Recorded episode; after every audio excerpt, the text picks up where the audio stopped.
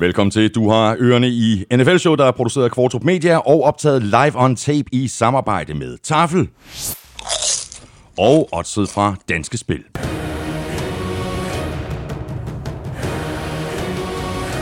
I dag der går vi øh, selvfølgelig øh, Super Bowl 54 igennem, og øh, det her klip det illustrerer meget godt, hvordan jeg har det med det. 장군님께서는 한평생 오로지 우리 så socialpolitiker. Og øh, derudover, nå, der kan du se... ja, men det er også er det for dig. Ja, tak. jeg skal prøve at trøste dig i dag. Der var faktisk en, der skrev til mig på Twitter, at jeg skulle trøste dig. Er det rigtigt? Ja. Får jeg også knuser? Ja, efter udsendelsen. Ja, dejligt.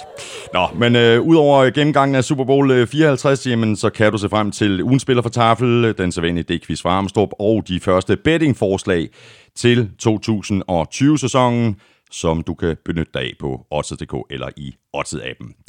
Derudover så kigger vi lidt på øh, priserne, der blev uddelt ved NFL Honors i lørdags, og så løber vi øh, selvfølgelig også navnene igennem på de nye medlemmer af Hall of Fame. Du ved, hvor du finder os alle de sædvanlige steder. iTunes, Google Podcast, SoundCloud, Spotify, Stitcher og en øh, hulens masse andre steder. Plus selvfølgelig på gulklud.dk og på nflshowet.dk, hvor du også har muligheden for at støtte os med et valgfrit beløb via tier.dk. Hver gang vi uploader en ny episode, det er der lige nu 474, der har valgt at gøre. Tusind tak for støtten. Vi kunne ikke gøre det uden jeres hjælp. Følg Elming på Twitter på snablag NFLming. Mig kan du følge på snablag Thomas Kvartrup. Du kan følge showet, og det kan du på både Twitter og på Facebook. Og hvis du liker vores Facebook-side, så er du med i kampen om en NFL-rejse til en værdi af 10.000 kroner. Hvis du synes om det, vi laver, så skal du tage og stikke os en anmeldelse et af de steder, hvor det er muligt, for eksempel i iTunes. Tak øh, til de 750, der allerede har gjort det. Jeg hedder Thomas Kvartrup, og her kommer min medvært.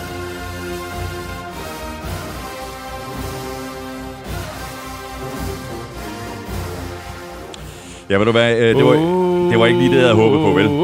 Men det er sejt, og det er sejt, når de gør det live på stadion, ikke? Jo, øh, det her det var fedt. Øh, vi havde jo vores øh, egen øh, Nicolas Isaks Inesen, Skorstræk Jørgensen, i, øh, i Miami, og han sendte nogle billeder og nogle videoer hjem.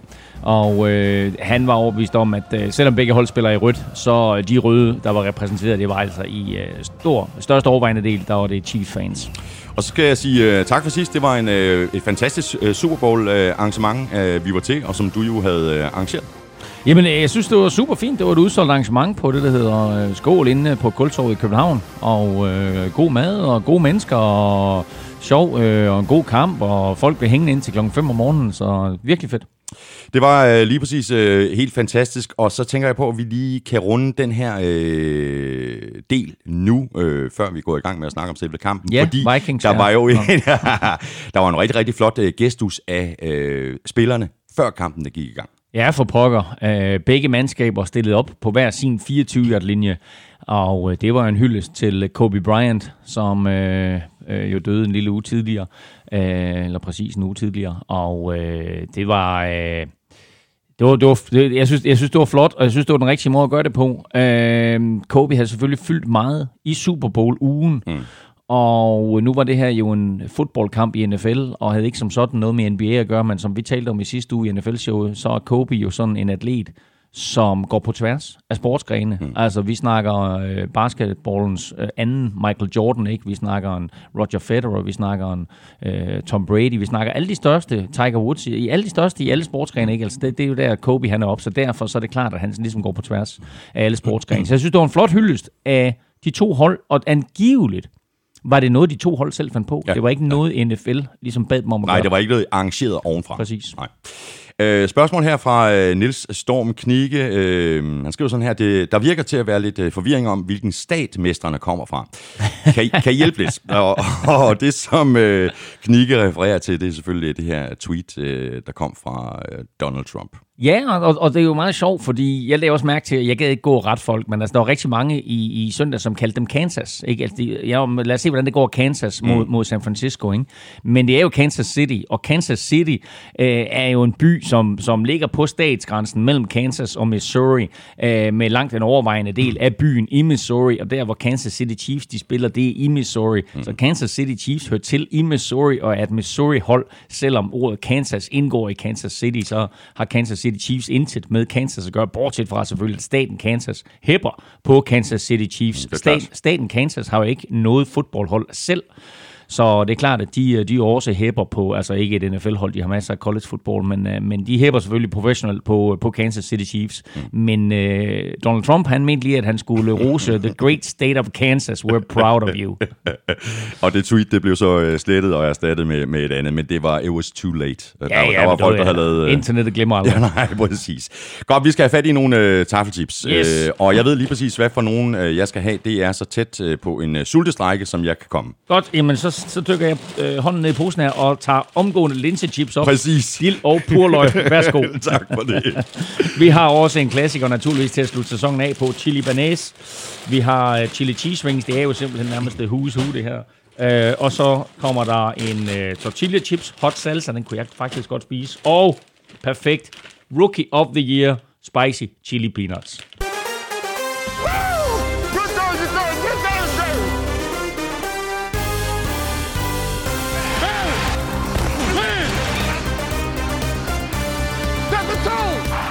Efter 50 års tørke lykkedes det endelig for Chiefs at vinde Super Bowl.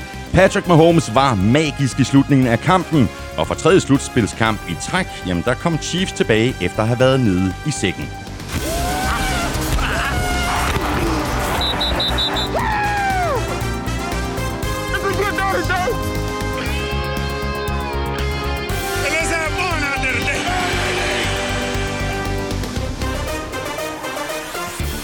Kan Kyle Shanahan bare ikke vinde den store kamp i fjerde kvartal, blev han for konservativ og forsigtig.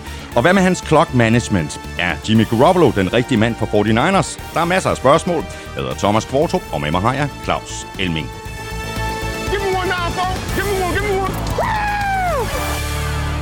Elming, vi hopper i øh, Super Bowl 54 lige om lidt. Først der skal vi lige have sat uh, quizzerne i gang. Vi skal have quizzen! Åh, oh. Det er tid til quiz. quiz, der, quiz, der, der er forskel på udsendelsen. Sidste uge, der tror jeg, du satte quizzen i gang efter tre kvarter. Eller sådan. Ja, men præcis. Men sådan er det altid, når vi tæller Super Bowl, ja. fordi så ændrer vi lidt på, på rækkefølgen af, af, af tingene. Ikke? Jamen, øh, jeg har en uh, quiz til dig her, som jo, øh, og undskyld, øh, desværre omhandler Patrick Mahomes. Ja. Men øh, med de to touchdowns, han kastede i Super Bowl, der kom han op på 10 touchdowns i slutspillet i år. Øh, det har Tom Brady også gjort i et enkelt slutspil, men kun tre quarterbacks har kastet mere end 10 touchdowns i et enkelt slutspil. Okay. Hvem er de tre? Godt så. Jamen, øh, du har det må knap, jeg lige... Du har, du har en knap derovre. Ja, det har jeg lige præcis. Can't do it. tak, tak. Godt. Du skal ikke snydes for det quizzen fra Søren Armstrong. Den lyder sådan her. Lies, damn lies and statistics, those hips did not lie. Shakira kan stadig narre min mors yngste søn. med Holmes holdt fokus og trak Niners i løn. Lame ass Game Pass. You had one job. Levi, Anton og Tommy. Thumbs up. Chiefs vandt fortjent at komme ud af mørket, hvilket hold har haft en længere tørke. Altså, det er 50 år siden Chiefs sidst vandt Super Bowl. Et hold har haft en længere tørke siden de sidst vandt deres seneste Super Bowl. Hvilket hold? Ja, det tror jeg godt, jeg kan gætte mig ja, frem det til. tror jeg faktisk Men, øh, også, og det kommunikerede Armstrong og jeg så også uh, lidt om på mail. Men uh, meningen med de her quizzer er jo også, at der er en del lyttere, der sidder og gætter med. Præcis, præcis. Og så vil jeg lige sige, for lige at forklare, hvad det er, Armstrong han taler om. Så hvis man havde NFL Game Pass, som er uh, NFL's uh, player, så uh, gik den jo ned første gang i første kvartal, og anden gang med tre minutter igen. Øh, så man, hvis man kun havde Game Pass og ikke havde mulighed for at se kampen andre steder, så fik man ikke afslutningen på Super Bowl. Så der var europæiske, der var asiatiske, og der var sydamerikanske fans, der var ej, rasende og øh, kræver udviklerne af NFL's Game Pass, øh, deres øverste ansvarlige ledelse, kræver deres hoved på et fad, mm. og det er altså et italiensk firma, der hedder Del Tatre, som øh, NFL skiftede over til i 2017, og de har ikke været heldige. Nej, det, har de, faktisk, det har de godt nok ikke. Jeg har faktisk med en artikel op på Gul Klud omkring Ja, spørgsmålet om øh, dem, der har aktier i det her firma, har aktier i det samme selskab, som øh, stod for at lave IC4-turen. Ja, men det, det har jeg faktisk lige nøjagtigt okay. joket med også. at det, at det her det er, det er lidt ligesom DSB. Man skal ikke lægge det over i hænderne på italienere. Nej, det skal man ikke. Nå, Elming, så går vi i flæsket på Super Bowl 54, øh, der er altså endte med en øh, sejr til Chiefs på 31-20, og jeg kan lige så godt sige det som det er. Det her det bliver nogenlunde lige så fedt for mig, som at sidde og slå sig selv oven i hovedet med, med en hammer. Der er kommet rigtig, rigtig øh, mange gode spørgsmål fra jer lyttere, og der er en del, der sådan handler om det samme og derfor har jeg valgt øh, nogle af de spørgsmål fra, der, øh, der overlapper. Men helt overordnet, Elming, så fik vi en rigtig tæt og spændende finale, og der skulle øh, Patrick Mahomes magi til til sidst i, i fjerde kvartal for at øh, få kampen afgjort til Chiefs øh, fordel, øh, ned med, med 10 point midtvejs i fjerde kvartal. Ja, altså, de spillede jo en virkelig, virkelig god kamp for 49ers i øh, tre quarters og otte minutter. Mm. Og øh, så, øh, så sker der jo lidt det, synes jeg, at øh, Carl Shanahan måske bliver for konservativ. Mm-hmm. Eller faktisk nærmest ikke konservativ, fordi han, øh, han, han burde måske have blevet ved med at løbe bolden. Og da han så ikke gør det, så ender det jo med, at, for, at 49ers må ponte. Og da de først gør det, for det gjorde de jo ikke før, midt i fjerde kvartal, de ponder første gang i den her kamp, i fjerde kvartal. Ja, vi sad faktisk og talte om det undervejs i ja. kampen på et tidspunkt, så hvor mange punts har der været i den her kamp? Ja, præcis. Og på det tidspunkt, der havde Chiefs haft et enkelt. Ja. Ikke? Altså, øh, og det var så fordi, øh, enten så havde de scoret, eller også så havde Garoppolo kastet en interception, eller Mahomes havde kastet et par interceptions. Mm. Så øh, det her, det var, det var det første punt af 49ers, men øh, i det øjeblik, de begyndte at punte, så skiftede kampen også karakter, fordi så fik Mahomes bolden tilbage, ja. og så øh, scorede han altså to touchdowns, og så fik de også lige et, et enkelt touchdown til sidst, så, så de laver altså 21 point i de sidste 7 minutter ja. af den her kamp. De har scoret 10 point, ikke? Altså, i de første, øh, hvad bliver det, 53 minutter, ikke? Der havde de scoret 10 point, mm. og så scorede de 21 point i de sidste 7. Der er et spørgsmål øh, i forhold til øh, det sidste øh, touchdown, som bliver scoret i den her kamp. Øh, spørgsmålet kommer fra Valdemar Dissing. Da Williams løber det sidste touchdown ind, burde han ikke bare have smidt sig på jorden. Da han kom forbi første down-markøren, så ville de stå med fire nye downs og tvinge alle timeouts ud af 49ers, samt trække tæt på al tiden ud af kampen, samt gøre kampen til en øh, syv øh, pointkamp point kamp med et field goal. Jeg er med på, at de kommer foran med 11 point, men de giver stadig muligheden for et øh, comeback. Øh, vi ville nok bare have set spilleren smide sig ved et i situationstegn bedre coachet hold, som for eksempel uh, Patriots. Hvad siger du til den? Nej, det er jeg overhovedet ikke enig i. I det øjeblik, du kommer foran med 11, så løber du den ind. Er det et spørgsmål om, at du kan udbygge føringen øh, altså, øh, til, til 8 eller et eller andet, ikke? Øh, sådan så, så modstanderen stadigvæk har chance for med en enkelt scoring at komme tilbage, mm. så, øh, så smider du ikke ned. Altså her, der altså...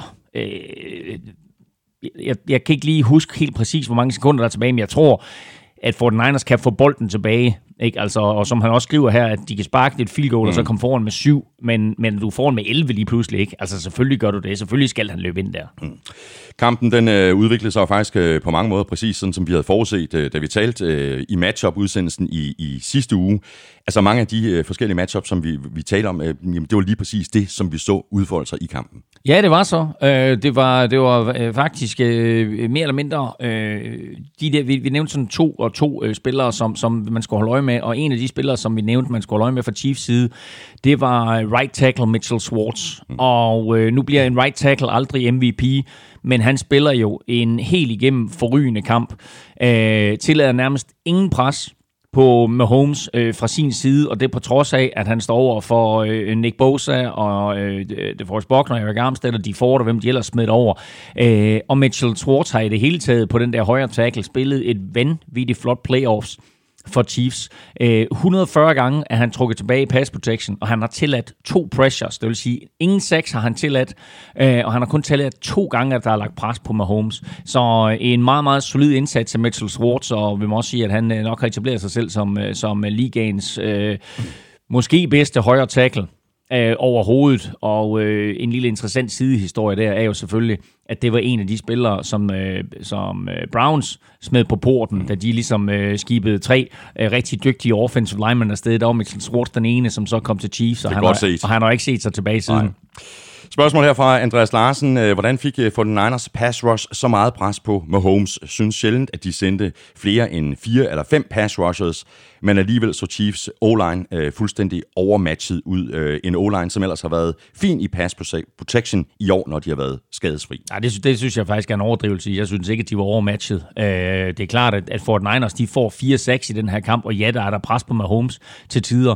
Øh, Fort Niners har en øh, virkelig, virkelig dygtig defensiv linje, og øh, vi talte om præcis, at øh, udfordringen for Chiefs vil komme på indersiden ja. med de to guards og center, og det var også der, det meste pres det kom fra.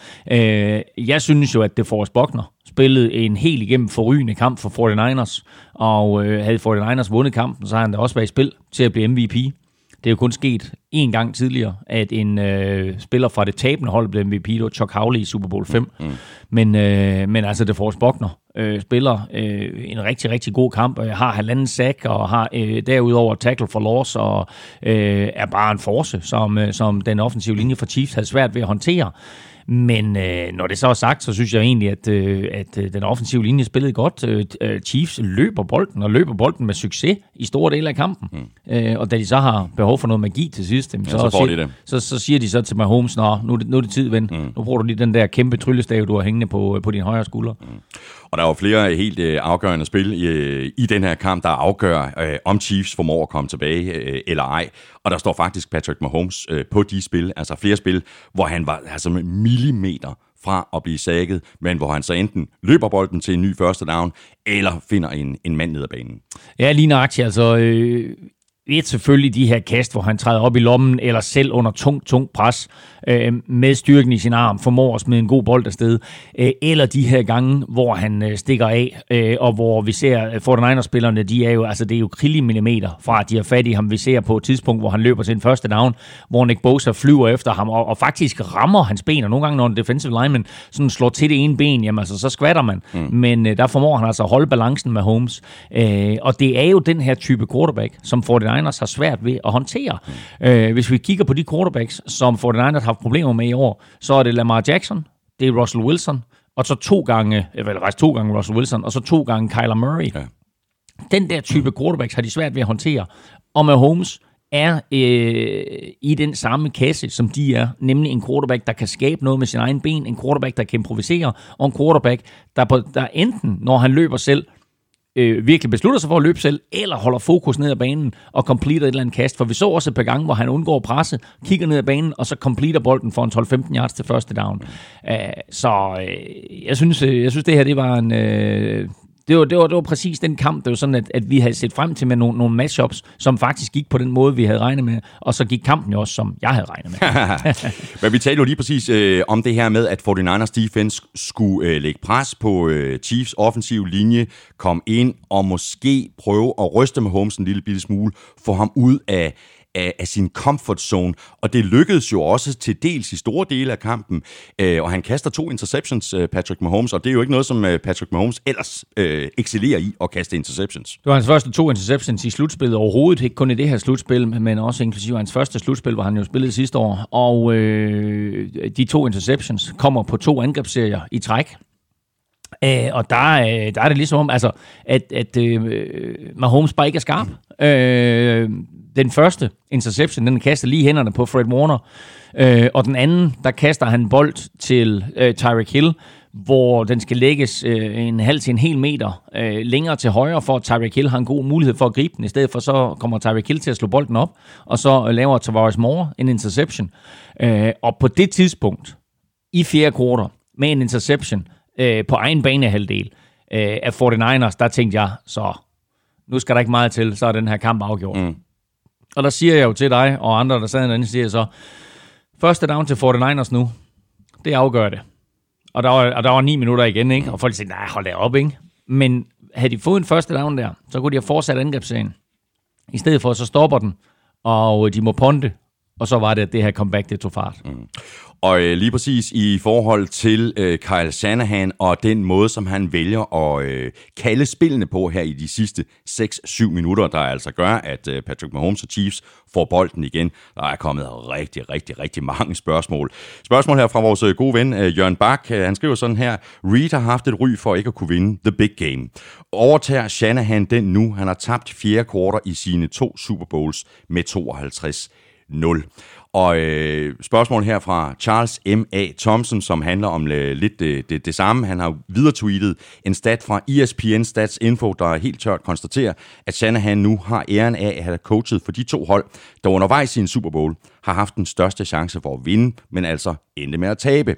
I Super Bowl mod Patriots, der var Falcons øh, chance for at vinde op på 99,7 procent, og i den her mod Chiefs, der var 49ers chance for at vinde på 96,1 procent. Altså så godt som sikker. Ja, og Men så alligevel ikke. Nej, og jeg ved godt, at der, der, den der winning percentage, der, den, den, øh, den eksisterer. Øh, hvor stor er chancen for, at du vinder ud fra en given score? Men, men tager den højde for, øh, at det er Patrick Mahomes, du står over for? Eller er det bare sådan generelt? Ikke? Altså, øh, og jeg ved da godt, at med 2010 og, og en dominerende indsats af forsvaret og 9 minutter igen, så er øh, du er da også mentalt indstillet på, hold nu kæft, ikke? Altså, vi er meget, meget tæt på at vinde den her Super Ja, Bowl. fordi det handlede om, som du også sagde under kampen lige præcis på det tidspunkt, en ny første down nu, så er kampen mere eller mindre afgjort. Præcis, altså, og, og det, var, det var trods alt med lang tid igen, øh, at, at jeg sagde det ikke, men det var det havde noget, et havde det noget med momentum at gøre, øh, to havde det noget med også det faktum at gøre, at, øh, at hvis 49ers kunne få gang i deres angrebsspil og få gang i deres løbespil, øh, så kunne de jo tage rigtig, rigtig meget tid af klokken og køre ned ad banen og havde lige stoppet. Med Holmes og Company var jo inden for field goal afstand.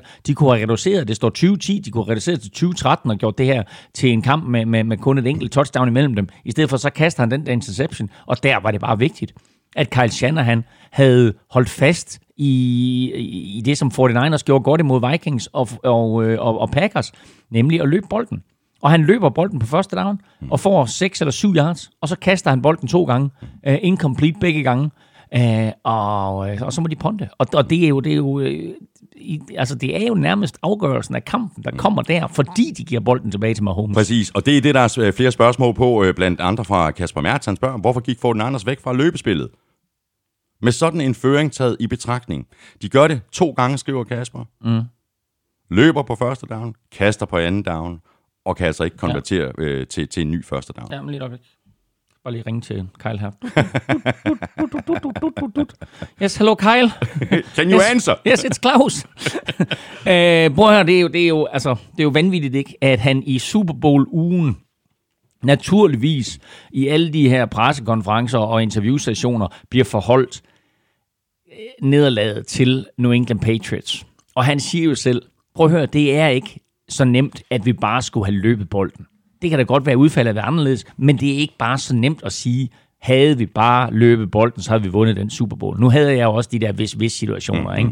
Mm. Øh, aldrig nogensinde stille spørgsmål til, øh, eller, eller sige, hvad nu hvis jeg havde gjort noget andet, aldrig fortryde noget. Og det gør Kyle Shanahan øh, helt sikkert heller ikke, selvom han med garanti har tænkt rigtig, rigtig meget over det, og forhåbentlig også har lært af den her situation og sagt, at han skal gøre noget andet. Alligevel i den her kamp, i fjerde kvartal, med en tredje, eller med en anden down og tre, tror jeg, de står med, en anden down og fire i hvert fald, så beslutter han sig for at kaste, og så kaster han to gange incomplete. Altså, Raheem Mostert og, og Tevin Coleman, de løber bolden super godt i den her kamp, og så går han væk fra det. Og igen, øh, vi har engang imellem brugt det her ord panik. Og det er, jo, det, er jo, det, er jo, det er jo svært at sige om en NFL head coach, der står i Super Bowl og øh, har vundet 13 kampe i løbet af sæsonen, plus to slutspilskampe, og sige, at han går i panik. Men hvad sker der for hans beslutningstagen mm. i de der momenter?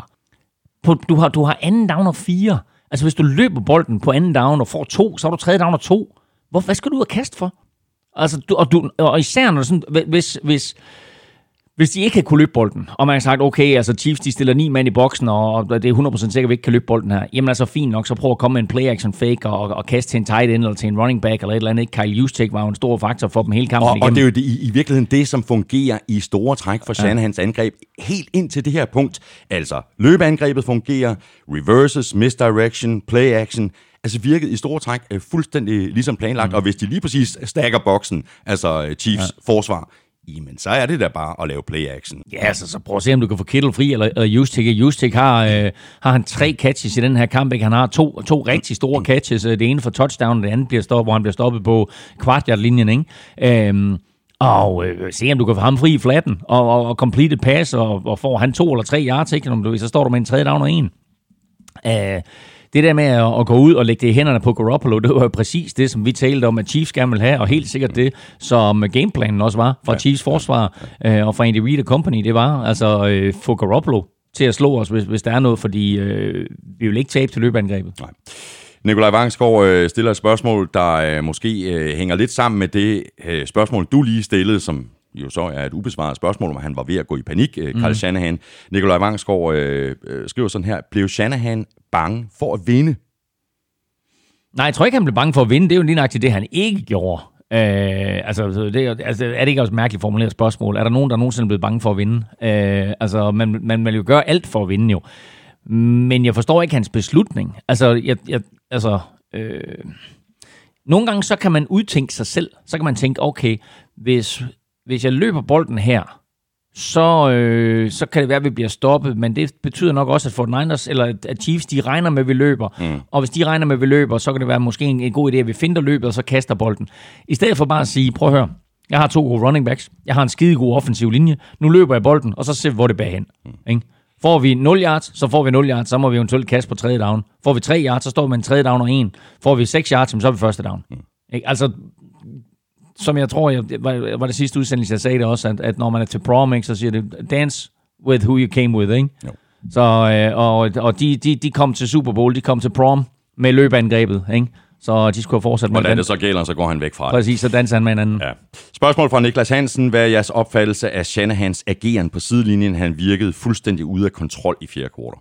Undskyld, hvem? Shanahan? Ja. Uh, uh, han, han var meget øh, arg på sidelinjen, og øh, det var måske både over, øh, hvor tæt de var på at vinde den her kamp, og så noget frustration over dommerne, og, og nogle andre ting, der ikke lige gik hans vej. Men det var jo meget tydeligt, at du her havde en, en 40-årig ilter head coach, og på den anden side, øh, der stod Appellers Lab fra Philly, øh, med, øh, med, med fuldstændig ro i sindet. Og som ser fuldstændig, øh, altså fuldstændig ens ud, om, om øh, han er foran med 20 point, eller bagud med 20 point. Ja, for det meste. For det meste. Altså, man kunne godt se til sidst også, at, at det her, det betød noget for ham.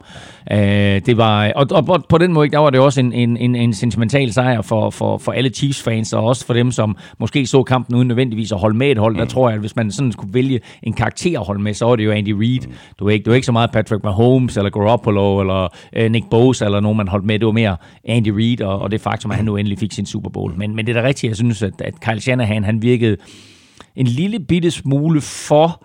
Øh, øh, emotionel på sidelinjen, hvor nogle gange, hvis man lige skruer lidt ned for det, så tænker man måske mere klart. Det kan det være, at han skulle have vendt papiret om og så set, når det er der min running place, de er. ja. Spørgsmål fra Johannes Hårgaard. Øh, Hvad synes I om Shanahans clock management i slutningen af andet kvartal? Jeg synes, det virkede håbløst ikke at tage en timeout, da Chiefs pondede, så man kunne overtage bolden med cirka halvandet minut tilbage og give den et skud. Nu overtog de i stedet bolden med knap et minut tilbage. Vi sad også og snakkede om det. Jeg sad også og kørte time-out, time-out. Det gjorde John Lynch jo også. Ja, præcis, op fra boksen. Ja, ja. præcis. Så John Lynch, han stod op i boksen og, og lavede time-out-tegnet, men uh, der blev ikke kaldt nogen time-out. Uh, og det betød, som du siger, at i stedet for at have et minut og 30 uh, øh, og bolden igen og to time-outs, så havde de omkring et minut igen og uh, tre time-outs. Og det var en beslutning, som han tog Kyle Shanahan og forklarede det jo efterfølgende med, at... Uh, han jo helst ikke ville give bolden tilbage til Chiefs. Chiefs havde alle tre timeouts tilbage, så øh, bliver der pondet her, det gjorde der jo. Og, øh, og 49ers må gå tre ud, så skal de til at ponde bolden tilbage til Chiefs. Og øh, det var et spørgsmål om, at, øh, at hvis du så giver bolden tilbage til Mahomes der med en 20-30 sekunder igen og tre timeout, så kan han udføre mirakler. Men det virker da og, ekstremt defensivt. Det, jeg kommer lige tilbage til det.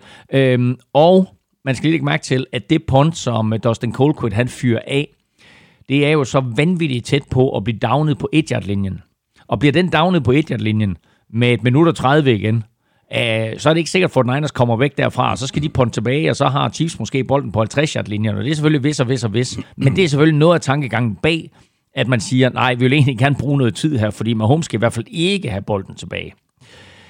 Men så kan du nemlig vente den om og så sige, jamen, hvad går du efter? Går du efter selv at afgøre kampen? Mm. Ikke? Altså, fordi hvis man ser på de plays, som 49ers rent faktisk øh, får øh, sendt afsted øh, på det minut, her, de har at gøre med, så er de jo faktisk tæt på selv at komme ind for scoringsafstand. Så har de haft en minut og 30. Jamen, hvem ved, hvad det kunne blive til? Det kunne måske være blevet til et touchdown øh, inden pausen. Og hvor mange gange har vi ikke set gode mandskaber øh, netop prøve at få bolden til allersidst i første halvleg, og få bolden som det første i anden halvleg. Og på det tidspunkt, der står der 10-10. Det står 10-10, og 49ers havde vundet coin tosse. De har valgt at, øh, at defer, altså at, at tage bolden i anden halvleg. Det vil sige, de slutter med bolden i første halvleg, og starter med bolden i anden halvleg. Kan de score 10 point der, eller måske endda 14, så går det altså fra 10-10 til plus 10 eller plus 14. Ikke? Øh, og her, der, der formøbler de altså en chance for at sætte point på tavlen. Så jeg synes, at det her var for konservativt, og, og apropos at være bange, så var det her, det var lidt for øh, ja, hvad hedder sådan noget, coaching scared, ikke? Mm. Øhm, så det, øh, det, jeg bryder mig principielt ikke om det. Jeg kan godt forstå logikken i Shanahans tankegang, men jeg vil meget hellere have sagt, at, eller have, jeg vil meget hellere have haft, at han havde sagt, nu går vi aggressivt efter at vinde den her kamp. Mm. Fordi det der med øh, at være bange for at give bolden tilbage til modstanderen, jamen øh, den risiko er jo hver eneste gang, at man kører en angrebsserie.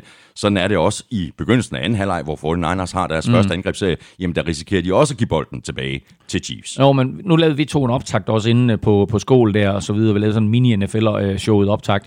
Øh, og der sagde jeg også til dig nemlig, at en af de vigtige ting for 49ers, det var at give Mahomes bolden så få gange som muligt. Og det vil sige, du vil jo ikke give ham bolden en ekstra gang i første halvleg. Og det er lidt den tankegang, som Shanahan han har. Så hvis vi kan holde bolden, hvis vi kan holde Mahomes til at have otte possessions i løbet af kampen, måske endda færre, så er det jo en lille sejr i sig selv. Uh, og det lykkedes jo stort set ind til fjerde kvartal. Ikke? Mm. Uh, og, det er, og det er jo også det, der ligger bag tankegangen her i den her beslutning i første halvleg. Men... Og tankegangen er måske også, at man er godt nok tilfreds med at gå til pausen med 10-10, og man ved, at man starter med bolden i anden halvleg. Du ved, du starter med bolden i anden halvleg. Det tror jeg selvfølgelig har influeret. Øhm, men derfor synes jeg stadigvæk ikke, altså jeg synes ikke, det er aggressivt nok. Nej, det altså, synes jeg heller ikke. Nej. nej. Øh, tilbage til Jørgen Baks øh, spørgsmål, om øh, Shanahan nu overtager den rolle, som Andy Reid har haft. Altså den her med, ah, man kan ikke lige vinde den sidste. Altså, øh, han skruer jo nogle fantastiske mandskaber sammen. Øh, Kyle Shanahan og øh, hans to slutspilsejre var jo meget, meget imponerende. Først så holder han øh, Vikings til syv første downs. Det er jo så forsvaret, vi taler om nu selvfølgelig. Men først så holder de altså Vikings til syv første downs. Og ugen efter, der kørte de jo fuldstændig Packers midt over 24-0 ved pausen. Stod der i NFC-mesterskabskampen, ikke? hvor det både var forsvar og angreb, der spillede. Så øh, det er jo et rigtig, rigtig godt mandskab, San Francisco 49ers. Nu har han to gange stået i Super Bowl, og øh, Jørgen skrev 52-0. Jørgen sendte mig faktisk en, en lille rettelse og sagde, det var 46-0 i fjerde kvartal, men inklusiv det øh, touchdown, som, øh, som øh, Patriots scorede i tredje kvartal, der var det 52-0, mm. som, øh, som øh, som øh, Carl Shanahan styrede angreb øh, har, har, har tabt med øh, i de her to Super Bowls. Først med Falcons, og så nu her med 49ers. Og øh, altså, jeg vil sige, det er vildt nok at være foran med 28-3 imod Patriots, og være foran med 10 point imod Chiefs med 7 minutter igen, og så tabe på den måde, de taber på. Jeg havde håbet på, at Kyle Shanahan havde lært noget af den der Patriots Super Bowl. Jeg havde håbet, at han var klar over, at der var nogle ting, der kunne have været gjort anderledes. Øh, og øh, jeg synes faktisk, som jeg nævnte lidt tidligere, at han burde have kørt de sidste syv minutter på en anden måde, end det han gjorde. De får en 2010, giver bolden tilbage, det bliver 20-17. Så får, så får, får Niners selvfølgelig bolden igen, og der gør han det jo en gang mere mm med at gå ud og kaste. Og så får Mahomes bolden igen og scorer til 24-20 og så kommer de ud, og så at kommer vi nok øh, tilbage til den angrebsserie, men, men, men igen der synes jeg også, at, at de havde rigeligt med tid, så de kunne godt have løbet bolden noget mere. Øh, og det var ligesom om, at, at, at alt det der, som de har bygget op i løbet af året, det kørte de helt ind til og med syv minutter igen af den her kamp, og så sker der et eller andet ind i hovedet på Carl Shanahan, øh, hvor han går væk fra, fra sit normale spil. Og det er det, det, det, det, der på en eller anden måde bekymrer mig.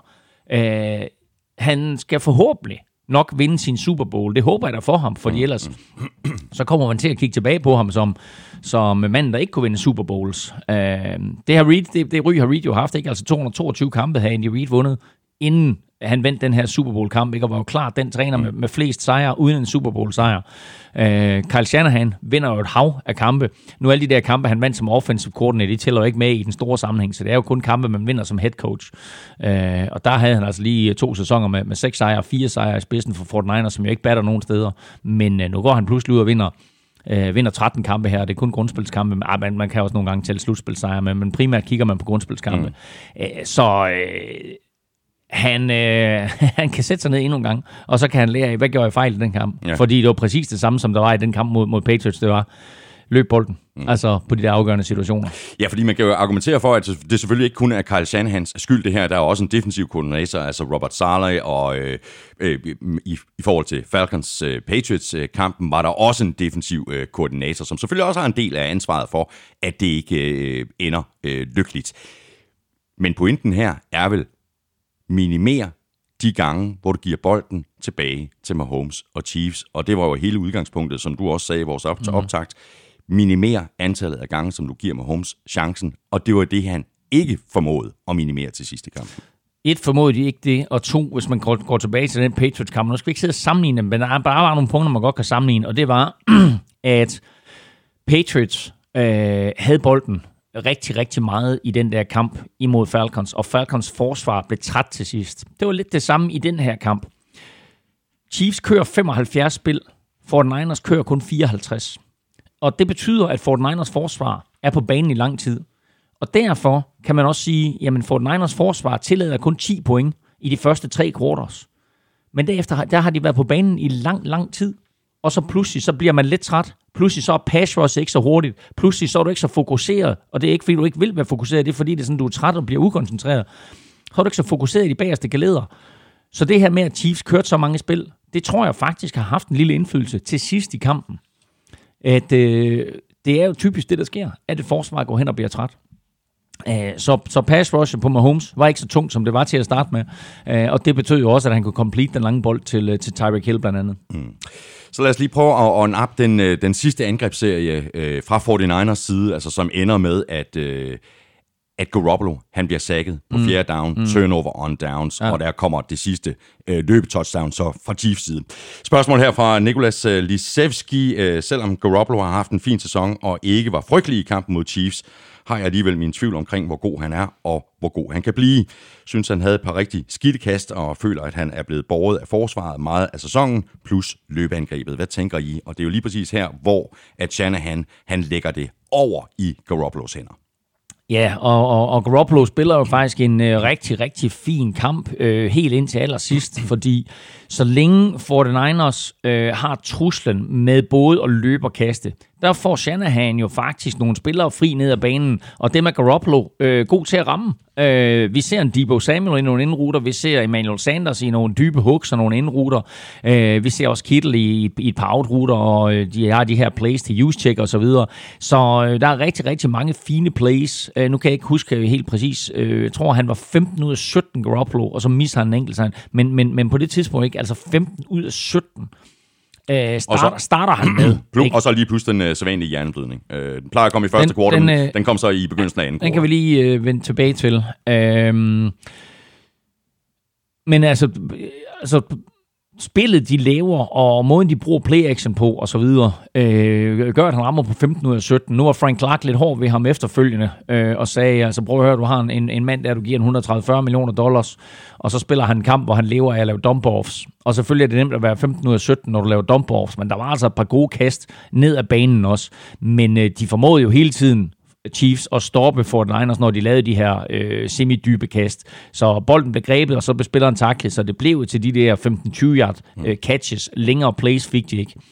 Øh, så til sidst, på den angrebsserie, du taler om, hvor Chiefs er kommet foran 24-20, der starter 49ers jo egentlig en låne angrebsserie. Og det gør de selvfølgelig, er ved at sige, med et løb. Raheem Mostert Øh, Garoppolo i shotgun, Raheem Mostert får bolden fra venstre mod højre, finder et hul i linjen, løber for 12-14 yards. Så kører de op, løber en gang mere, og på det play, der, der viste Chiefs, nu får I ikke lov til at løbe. Der kommer de altså med 8 eller 9, eller måske endda 10 mand i boksen, mm. og stopper øh, Mostert på, på line of scrimmage. Anden down og 10, øh, mener den bliver completed for ganske få yards. Så kommer tredje down og 10. Eller 3 down og 7 er det måske. Og det er der, hvor Garoppolo, han viser, at han ikke er en Patrick Mahomes. Fordi Shanahan kalder det perfekte spil. Han får Emmanuel Sanders fri i en dyb post. Ja. Og Emmanuel Sanders kommer bag ved Chiefs forsvar. For det første, så er det en gigantbrøler af Chiefs bagerste geleder. Det må aldrig nogensinde ske. Men altså, Emmanuel Sanders er hurtig, han er rutineret, masser af erfaring, sætter forsvaret perfekt op, løber den der, øh, lander sig lidt ud mod venstre sidelinje, løber sin post ind bag ved forsvaret, og den skal Garoppolo ramme. Han har et touchdown der, Garoppolo, og så kaster han den 5 meter for langt. Alt, alt, alt for dybt. Alt for langt. Ikke? Altså, ja den skal han jo bare ramme. Mm. Ikke? Det er der, at du adskiller en MVP-quarterback og en super-quarterback fra Garoppolo, som vi må sige tilhører, kan vi tillade os at sige anden række quarterback, ikke? eller anden, øh, anden rangs quarterback. Mm. Øhm, fordi han er ikke helt deroppe i den umiddelbare elite. Men den skal han ramme. Og så på fjerde down, øh, der ender det hele jo så med, med et officielt sack, selvom han slipper afsted med bold, men der har dommerne så dømt det, det, man kalder in the grasp, altså at forsvaret har fat i ham. Øh, og så overtager Chiefs bolden, og så scorer øh, Damien Williams jo det her touchdown, hvor han løber 38 yards ind. Spørgsmål fra øh, Claus Møller øh, angående Garoppolo. Var den her kamp et bevis på, at Garoppolo ikke er god nok på de kast, der er lidt længere? Og kunne 49ers med fordel hente en Brady-Rivers, og så drafte en ung quarterback, der kan stå i lære hos øh, den gamle? Eller er Jimmy G manden for Shanahan og 49ers? Hvad, jeg er sikker på, at du har læst flere 49ers-medier, end jeg har. Hvad er meldingerne? Jeg synes ikke, der er nogen øh, officielle, der er i hvert fald ikke nogen officielle udmeldinger, men jeg er fuldstændig overbevist om, at de, øh, at de holder fast i Garoppolo. Det er jeg også overbevist om. Altså, det, det, det er deres mand, og det er ham, de har sat sig på. De har traded sig til ham. Og øh, han, er jo ikke, han er jo ikke en dårlig quarterback. Nu sagde jeg, at jeg har andenrangs quarterback. Det er ikke, fordi han er jo ikke i, i, i, i Mahomes, øh, Drew Brees, øh, Lamar Jackson-niveauet. Øh, men, øh, men han er der i, i andenrangsgeledet. Ikke? Hvor der er rigtig, rigtig mange andre quarterbacks. Der er rigtig, rigtig mange andre quarterbacks. Og, øh, og det er klart, at de har givet kassen for ham, og de investerer deres fremtid i ham ham. Øhm, men de tror på ham, og det system, de bygger op, der kan han også godt være den perfekte løsning. Men de der situationer, hvor det rent faktisk er ham, der skal ind og afgøre den, der skal, og jeg ved godt, at, at Super Bowl er noget andet, men altså her sidst i fjerde kvartal, der er det som om, altså der er du rent faktisk kommet af med de værste nerver. Ikke? Altså, der, der spiller du fodbold. Der, der er selvfølgelig er stadigvæk Super Bowl, og der er der et eller andet magisk over det, og så videre, og et eller andet, hvor det er sådan, at, at dit hjerte nok banker lidt mere, end det gør normalt. Men du skal bare ramme det kast. Mm. Skal vi tale lidt uh, Reed og, uh, og Shanahan op imod uh, hinanden? Altså, kan, kan vi kode det her ned til, uh, Claus, at Chiefs er med i kampen, fordi Reed kaldte en offensiv slash aggressiv uh, første halvleg især, mens Carl Shanahan måske blev for konservativ uh, for, for tidligt. Uh, altså han gik efter nogle field goals, hvor man måske kunne have argumenteret for, at han skulle gå efter at få en, en ny første down, stadig med chancen for at kunne uh, få de syv point på tavlen, hvor Reed jo flere gange går på den på fjerde down. Nej. Jamen, det kan man ikke. Altså, og jeg ved godt, at der er mange analytics-eksperter derude, som sidder og siger, at de skal gå efter dem på fjerde down.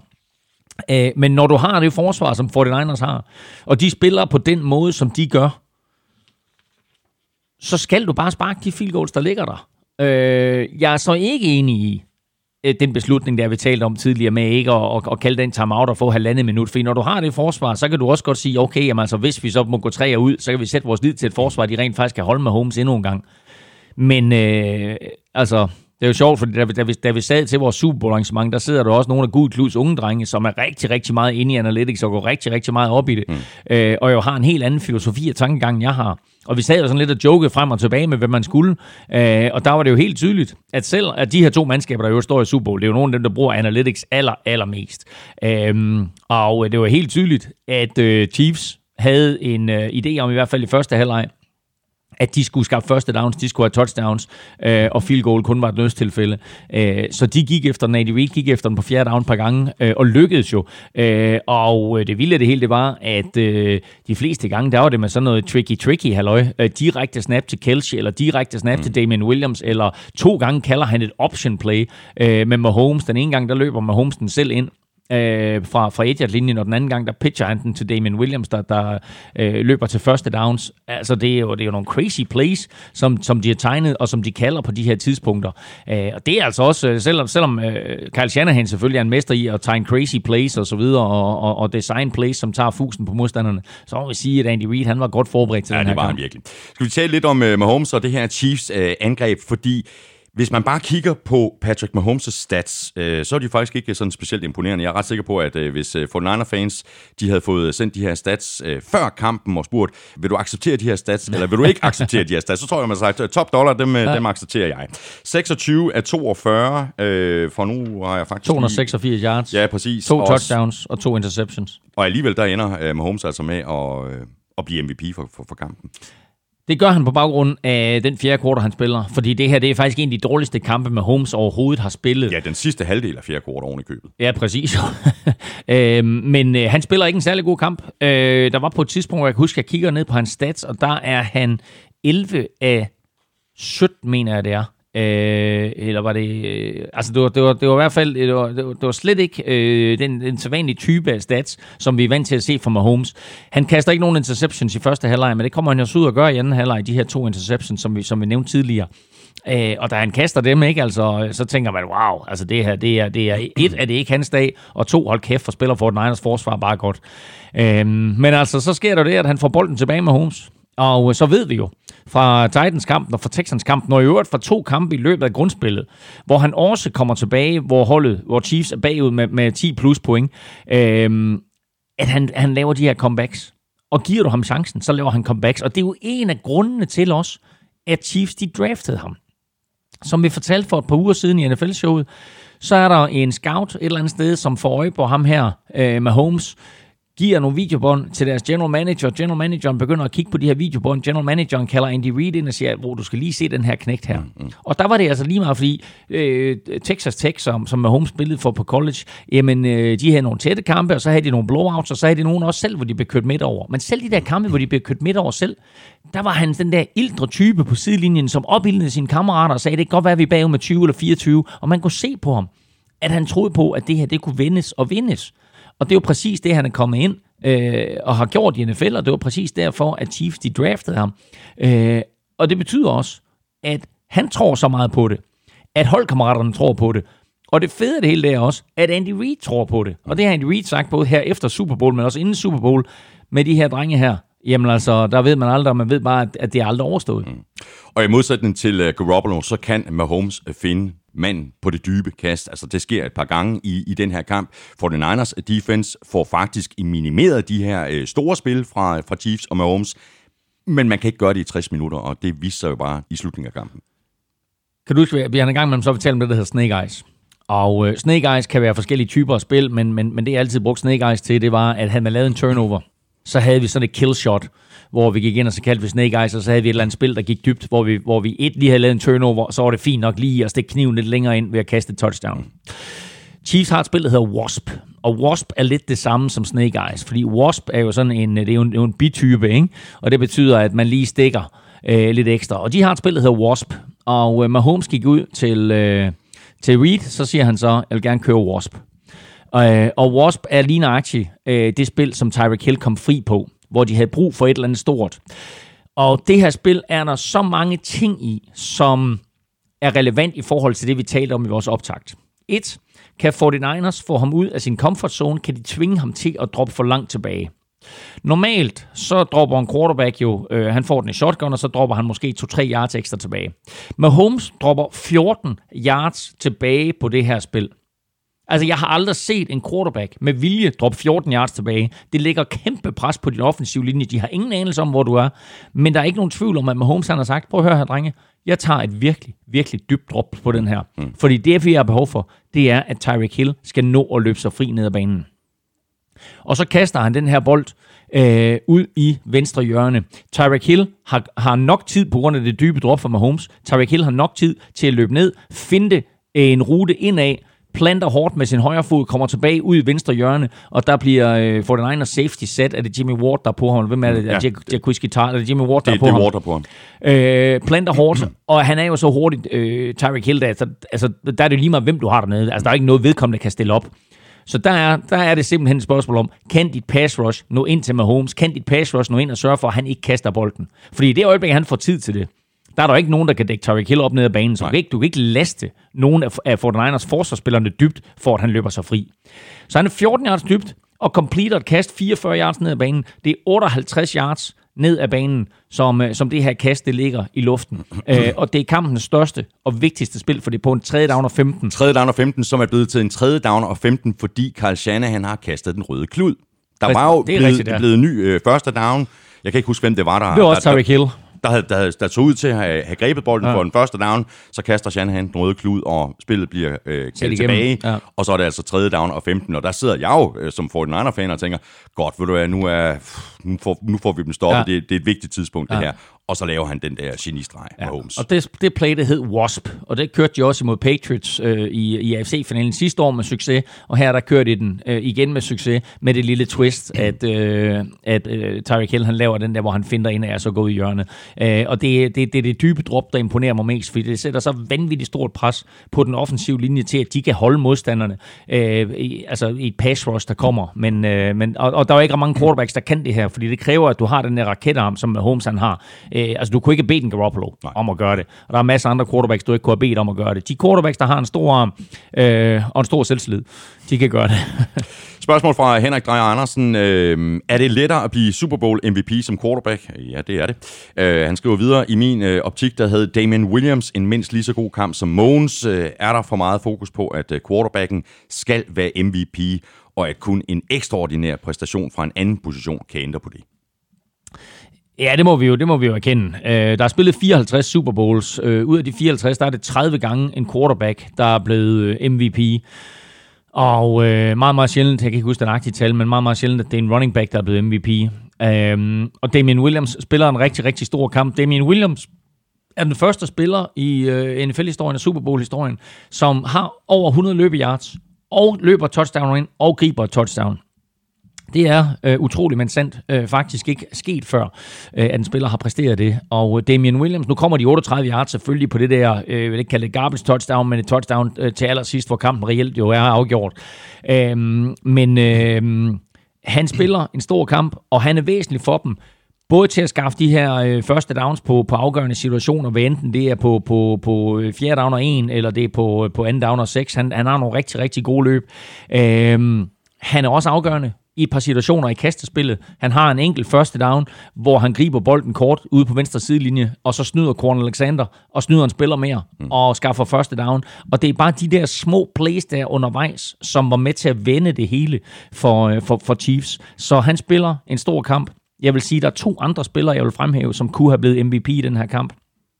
Den ene er Chris Jones, fra, øh, fra Chiefs på den defensive linje. Spiller en fantastisk kamp. Han spiller en fantastisk kamp. Det er ham, der er inde og lægger pres på Jimmy Garoppolo, da han kaster sin øh, interception i første halvleg, øh, hvor han jo slet ikke får nok på den. Angiveligt vil Jimmy Garoppolo jo gerne kaste den der ud over sidelinjen. Mm. Men fordi Chris Jones kommer ind og, og rammer ham, så kan Garoppolo ikke få nok på den, øh, og så ryger den lige ud i hænderne på, øh, på en, en Chiefs forsvarsspiller, der laver en interception, som fører til et øh, Chiefs field goal i første halvleg. Derudover batter Chris Jones altså tre bolde ned, øh, og øh, er i det hele taget bare en, øh, en force og en meget, meget forstyrrende kraft øh, i forhold til det 49ers, de prøver at gøre, øh, både løbemæssigt og kastemæssigt. Så en meget, meget stor kamp af Chris Jones, og en meget afgørende faktor, at han var klar, og at han spillede hele kampen for Chiefs. Og så den anden spiller, der fremhæver, det er DeForest Buckner på den defensive linje for 49ers. Øh, altså måske, jeg vil sige, Chris Jones var nok den her kamps bedste forsvarsspiller, men altså DeForest Buckner er lige bagefter halvanden sack af ham, og øh, som sagt et øh, tackle øh, for, for øh, mistet eller tabte yards øh, på, på et, et, et løbespil, og i det hele taget bare en, en øh, brutal kraft, som den indvendige linje for, for Chiefs havde meget svært ved at håndtere. Men øh, det blev en quarterback, og sådan er det, og, og man kan også sige det på den måde med Mahomes. Er det retfærdigt nok, at han bliver quarterback, eller han bliver MVP? Ja, det er det set i betragtning af, at det han leverer, i slutningen af fjerde kvartal, eller fjerde kvartal hele taget. Det er så unikt. Ja. Uden Mahomes havde Chiefs der ikke vundet den her kamp. ingen andre quarterbacks, der havde vendt det her. Øh, og det er selvfølgelig en, en hård statement, men øh, der er altså ikke ret mange, og måske en enkelt eller to. Men altså, der, det, det, det, det kræver et fuldstændig vanvittigt og unikt talent at vinde mm. den kamp bagud 20 timer, 7 minutter igen, til at de vinder. Der er kommet en øh, del, øh, rigtig mange spørgsmål faktisk, øh, omkring øh, dommerne og dommerindsatsen. har valgt et par, par stykker ud. Øh, det første kommer fra Anders Erbo Hansen. Han skriver sådan her, han er jo også øh, 49er-fans. Øh, er det bare mig, der er en dårlig taber, når jeg synes, at dommerne havde meget stor indflydelse på 49ers nederlag? De to pass interference kald på henholdsvis Kittle og Moore var tvivlsomme og var ikke nødvendigvis blevet dømt i andre kampe. Chiefs O-line slipper afsted med utallige holdings, især i fjerde kvartal. Chiefs laver mindst to offsides til fjerde kvartal, som ikke bliver kaldt, og gentagende gange bliver Jimmy G ramt i hovedet, uden at der dømmes noget. Ja, det var et flot comeback, og ja, Mahomes er vanvittig, men jeg synes også, de fik meget hjælp. Jeg tror, det der det er en lille bitte smule overdrevet. Og øh, så skriver... Øh, er det Anders, der har stillet spørgsmål? Anders Erbo Hansen. Ja, så skriver han heller ikke omkring de gange, hvor Mahomes bliver ramt i hovedet. For der er altså flere gange, øh, hvor, hvor han bliver ramt i, i facemasken og så videre. Så øh, sådan overall, der synes jeg jo egentlig, at øh, det NFL gjorde her ved at lade Bill øh, Vinovich og hans crew dømme kampen, det var, at de, de, de valgte et dommercrew, som ville tillade spillerne at spille. Så de dømte faktisk ikke ret meget. Der er en helt klar offside imod Chiefs, der ikke bliver dømt. Det er, det er sådan en fejl, den er utilgivelig. Den skal de ganske enkelt fange. Det er jo ikke noget, der kan ses igennem, så man kan ikke gå ind og ændre det bagefter, men den skal selvfølgelig dømmes, den skal de fange. Øh, de andre der, der er det sådan lidt 50-50. Jamen, hvad vej går det lige? Det, det synes jeg er fair nok. Så er der de to passerne føringskald. Den der imod George Kittle, som tidligere receiver, der vil jeg jo have at, at få den dømt imod mig. Men når man ser den, jamen så er den der. Det står direkte i reglerne. Det der, det er ulovligt. Så, så den pass interference er også fair nok. Den skal dømmes. Den imod Tavares Moore. Tavares Moore er jo lidt tidligere i kampen blevet, øh, blevet den store held ved at lave den der interception, hvor Tyreek Hill slår bolden op. Og øh, han, Tavares Moore, løber ned i endzonen sammen med resten af den Niners forsvar. Og når man gør det, så er det fordi, man ved, wow, det her det var et stort spil, det her det kan faktisk sikre Super Bowl-sejren. Ja, ja. Men lidt senere i kampen på dybt kast fra Mahomes til Kelsey i endzonen, øh, der løber Tavares Moore ind i Kelsey og kigger sig ikke tilbage. Øh, og hvis, hvis Kelsey han skal gribe noget der, så bliver det Tavares Moore. Øh, og øh, jeg vil sige, at han forsøger Tavares Moore at undgå at ramme Kelsey. Men han hopper ind i Kelsey, og så er der pass interference. Mm. Så de to, de skal dømmes, og sådan er det bare. Spørgsmål her fra Jens Hessel. Øh, Hvordan får NFL lavet en klar linje for, hvad pass interference er? Kittle laver pass interference, men Kyle Rudolph øh, gør ikke imod Saints. Begge skubber sig fri med en arm. Øh, er det bare dommerne, der må lægge en linje for dagen? Jeg synes, det minder lidt om den gang, hvor man ikke anede, hvad en grebet bold var. Ja, men der vil jeg sige, der er jo en helt klar forskel. Det er, at, at der er jo ikke pass interference, hvis du spiller i en lilla trøje. Nej, og jeg synes, faktisk, at, jeg synes faktisk, at der var endnu mere tydeligt, den som Carl Rudolph han lavede i endzone. Ja, nu er det de spillede, de spillede faktisk, jeg tror, det var i All Purple den dag der. Men øh, nej, jamen, det ved jeg ikke. Altså, man kan sige, det der er forskellen, det er jo, at øh, den pass interference, der ikke bliver dømt imod Kyle Rudolph, der er der kontakt mellem forsvarsspilleren og Kyle Rudolph inden. Øh, den pass interference her imod Kittle, der er det jo helt tydeligt Kittle, som stikker en øh, lap i brystkassen på, øh, på øh, Daniel Sørensen, og så skubber ham væk. Så det er forskellen på de to kald. Men jeg er fuldstændig enig i, at NFL skal have lagt en klokkeklar linje for, hvornår der dømmes pass interference, fordi lige nu der er vi lige så øh, øh frustreret og forvirret over det her med, hvad er pass interference, mm. som vi var, dengang vi ikke rigtig vidste, hvad et catch var. Ikke? Altså, og det er trods alt væsentlige spil, væsentlige faktorer i NFL. Det er at vide, hvad er et catch, og hvad er pass interference. Præcis, og den her pass interference øh, på George Kittle øh, kom jo på et øh, meget afgørende tidspunkt. Altså, det var med ganske få sekunder tilbage af andet kvartal, hvor 49ers, mener de havde 6 eller 8 sekunder tilbage på klokken. Øh, måske havde haft et uh, skud i endzone, eller i hvert fald som minimum kunne have sparket ja, ja, et, men, et men, men det er jo afslutningen på første kvartal, efter vi har haft den her misære med, om Shanahan skulle have kaldt timeout og haft 1-30, eller han ikke skulle. Alligevel, der formår de at køre ned ad banen. Uh, de, uh, de har det, det, det, det der kast til, hvad hedder Wilson til fornavn, running backen. Uh, men running back, den backup running back, de har, for der hedder Wilson. Nå, Jeff Wilson. Jeff Wilson. Han, uh, han, han, de kører jo det samme spil, 49ers, som de gjorde imod Cardinals, hvor de er bagud, 49ers, og har brug for et eller andet kæmpe spil. Og så griber Jeff Wilson sin første bold hele året og scorer touchdown på den. Det er præcis samme play. Kører de imod Chiefs og får samme effekt her. Et kæmpe spil, som bringer dem fra 20-linjen og op øh, til omkring midterlinjen. Og så kommer det næste spil til Kittle, hvor der så bliver dømt pass interference. Så egentlig, på trods af, at Kyle Shanahan han spiller det der super konservativt til sidst i første halvleg, så er han jo faktisk lige ved og føre sit hold i hvert fald inden for field goal afstand, mm. hvis ikke Kittle han bliver dømt for pass interference.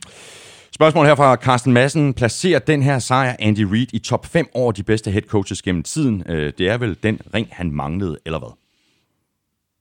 Åh, oh, top 5. Altså Belichick 1'er. Øhm, så er der en 2-3 Vikings coaches der. Nej, så har du, øh, altså, så har du øh, har du vel øh, Vince Lombardi, øh, altså nogle af de ældre, ældre drenge selvfølgelig, Vince Lombardi, George Hallis. Øh, Bill Walsh. Ja, Bill Walsh er du selvfølgelig nødt til at nævne. Hvad med Bill Parcells? Ja. Øh, Altså, men jeg vil sige, altså, der, der nu, nu er nu Jimmy Johnson lige kommet i, i Hall of Fame, og Bill Cowher lige kommet i Hall of Fame. Han er klart på højde med dem. Jeg ved ikke, om han lige er en top 5 coach, men altså, han, han er i hvert fald... Han er en NFL-show top 5. Præcis. Spørgsmål fra Joachim N. M. Andersen. Øh, ja, ja, det er tidligt at sige, og der kommer til at være nogle rosterjusteringer på baggrund af Mahomes' kontraktforlængelse, men tror I, at Chiefs har dynastipotentiale? Reed er jo ikke ung længere, men øh, man kan godt øh, tænke sig, at han har fem år tilbage, før han går på pension. Eller 15. Ja. Øh, der er coaches, der kan blive gamle øh, i NFL. Og Reed, på trods af, at han er 61, virker ikke lige frem som en gammel mand. Ja, der er selvfølgelig øh, dynastipotentiale i Chiefs øh, Chiefs har jo lignagtigt til det, som Patriots havde for 20 år siden. En vanvittig dygtig træner øh, og en ung superstjerne på quarterback. Og så længe de kan holde, holde sammen på de to, så er Chiefs et øh, mandskab, som man altid skal regne med.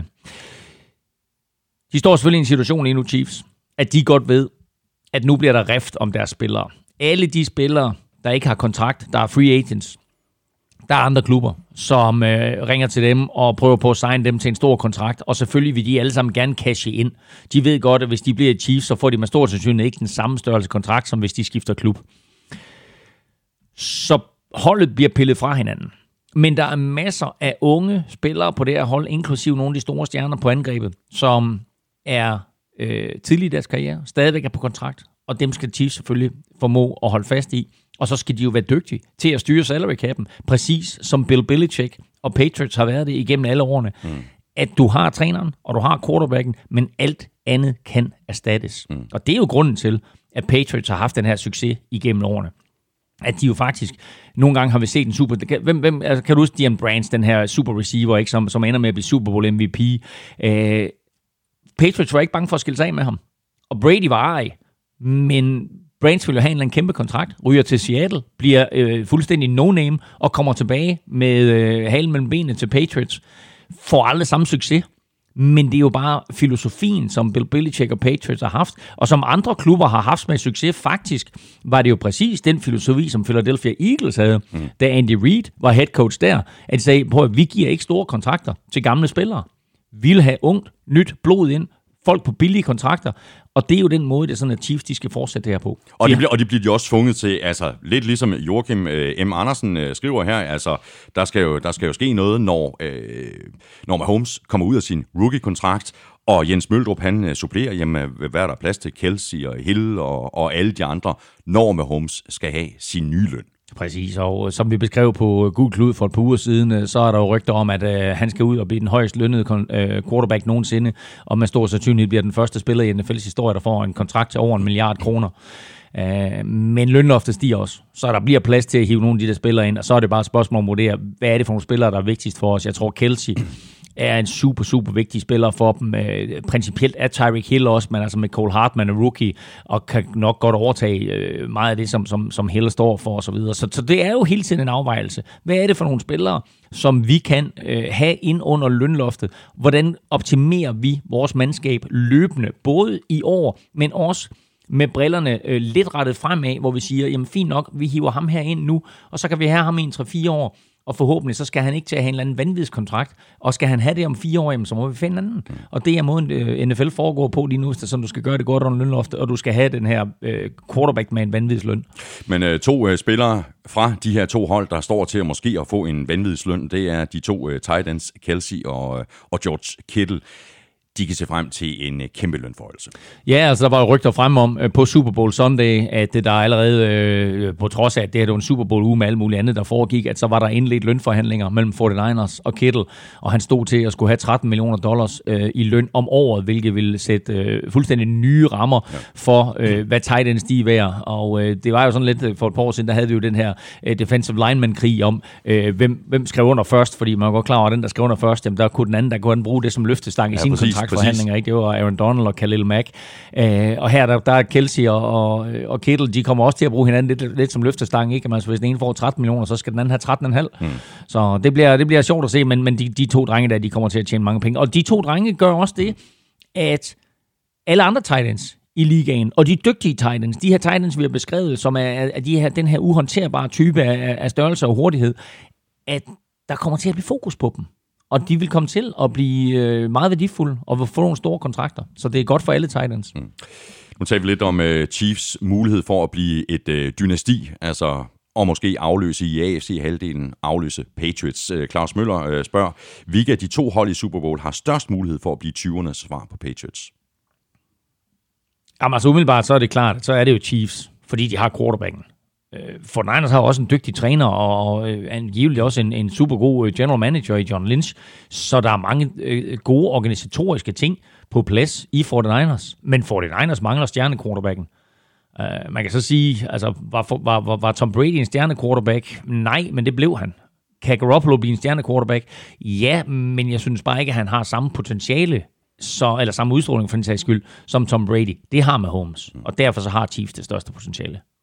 Har du noget, som du brænder ind med? Altså, vi kunne jo snakke i en, i en time om den her Super Bowl, men er der et eller andet, som du mener her på, på falderæbet i forhold til Super Bowl 54? Er, er du ved at fortælle mig, at vi er ved at være færdige med at snakke Super Bowl 54? Og det er jo vanvittigt. Det er jo vanvittigt. uh, bror, jamen, uh, nej, men altså, jeg har, et, jeg har en masse noter, vi slet ikke har været igennem. Der er lidt omkring uh, Mahomes og hans alder, som jeg synes er lidt sjovt uh, ja. at komme ind på. Uh, Patrick Mahomes er den uh, næst yngste quarterback til at vinde Super Bowl. Hvem, ved du, hvem den yngste er? Øh, nej.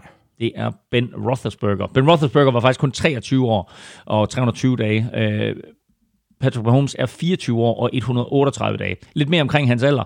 Han er den yngste MVP, altså Liga MVP Award vinder, der samtidig vinder Super Bowl. Den yngste før ham var Emmitt Smith. Uh, Mahomes er også den yngste Super Bowl MVP vinder. Uh, øh, 24 år, 138 dage. Slår Tom Brady med 50 dage. Uh, og uh, så var der lige det der, det har vi været igennem med Damian Williams. Så var der lidt omkring uh, Super Bowl med sejren her. Der står det nu 27-27 mellem AFC og NFC. AFC har vundet fem af de sidste seks, og seks af de sidste otte. Uh, og så var det her jo... Uh, så var det her jo en, endnu et comeback af, af Chiefs med mindst 10 point i det første hold, som i, en, i, en, i et slutspil har alle kampe med et comeback på over 10 point. Uh, og ellers så, ja, der, der er mange ting. Nå, og så havde jeg et par, et, et par små ting her. Uh, en lille sjov statistik omkring Jimmy Garoppolo i Super Bowl. Han er øh, 2-0, når han kaster bolden 0 gange. han er 0-1, når han kaster bolden en eller flere gange. Kanon stat lige at få med. Fantastisk. Godt, ved du hvad, øh, vi, øh, vi, vi lukker ned for det her nu. Øh, for den Niners, de har pick nummer 31 i draften til april. Chiefs, de har pick nummer 32, og det betyder, at vi er ved vejs ende for 2019-sæsonen. Det eneste, vi lige mangler at binde en lille sløjfe om, det er vores picks, Elming. Du fik hentet en enkelt, dermed sluttede vores sæson 172-160 i min forvør Lidt godt er der at, at, at sige, og jeg missede så chancen for at stikke rekorden i slutspils picks, så den deler vi stadig med 8 ud af 11, og uh, nu fører du så 3-2 i Super Bowl picks. Ja, løgtaler. Wow! Let's go! Ugen spiller præsenteres af Tafel. Så skal vi have fundet en uh, heldig vinder i ugens spillerkonkurrence. De nominerede fra Super Bowl var Patrick Mahomes, Damian Williams og Chris Jones. Og øh, det er i omvendt rækkefølge, fordi Chris Jones fik 18% af stemmerne, Damian Williams fik 30%, og Mahomes fik altså 52 procent. Nå, så de er vores, De er vores, fuldstændig vores enige. lytter kåret ham også til MVP, kan ja. man sige. Elming, du er lykkens skud ind. Vi ser, jeg vil faktisk egentlig gerne trække Chris Jones. Jeg synes, han fortjener det. Jeg trækker en her. Der er lige knap 20% chance. Jeg vender den om. Der står Mogens. og vi skal et smut til Hornslet Håndslet. og til Jesper Madsen. Sådan der. Stort tillykke til dig, Jesper Madsen. Jeg sender dit uh, navn og adresse videre til MVP Christina på tafel. Og så sørger hun for at få uh, sendt en kasse med en hulens masse poser tafelchips afsted til dig. Nu så jeg lige hans mellemnavn. Det er Lindstrøm. Han er lige blevet far. Han for anden gang. Ja, nå, så ved du hvad, det er jo Og perfekt. det er kæmpe, kæmpe stort tillykke, det, det Jesper. er perfekt. Der er simpelthen en gave på vej fra tafel. Sådan der. det er fantastisk. Stort dobbelt tillykke til dig, Jesper Lindstrøm, og en af vores øh, meget trofaste lyttere. Ja, og, og tweeter rigtig meget ind til showet også. Præcis. Tillykke til dig, Jesper, øhm, og til alle andre. Hvis øh, du godt kunne tænke dig at vinde sådan en kasse med tafelchips, jamen, så skulle du tage og følge os på Twitter og på Facebook. Det er nemlig der, vi sætter afstemningerne i gang.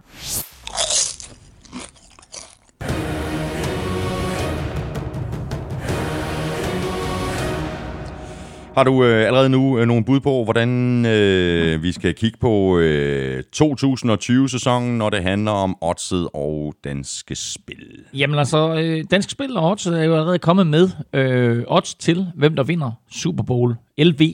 Og øh, da jeg så det der LV, nu synes jeg, det var sjovt, at, at 54 jo hed LIV, og der var godt med liv i Super Bowl, ikke? Men øh, til betragtning af, at Las Vegas jo nu pludselig har fået et NFL-hold, så burde Super Bowl LV vel være blevet spillet i Las Vegas. Eller hvem ved, måske vinder LV Raiders, måske vinder de Super Bowl LV.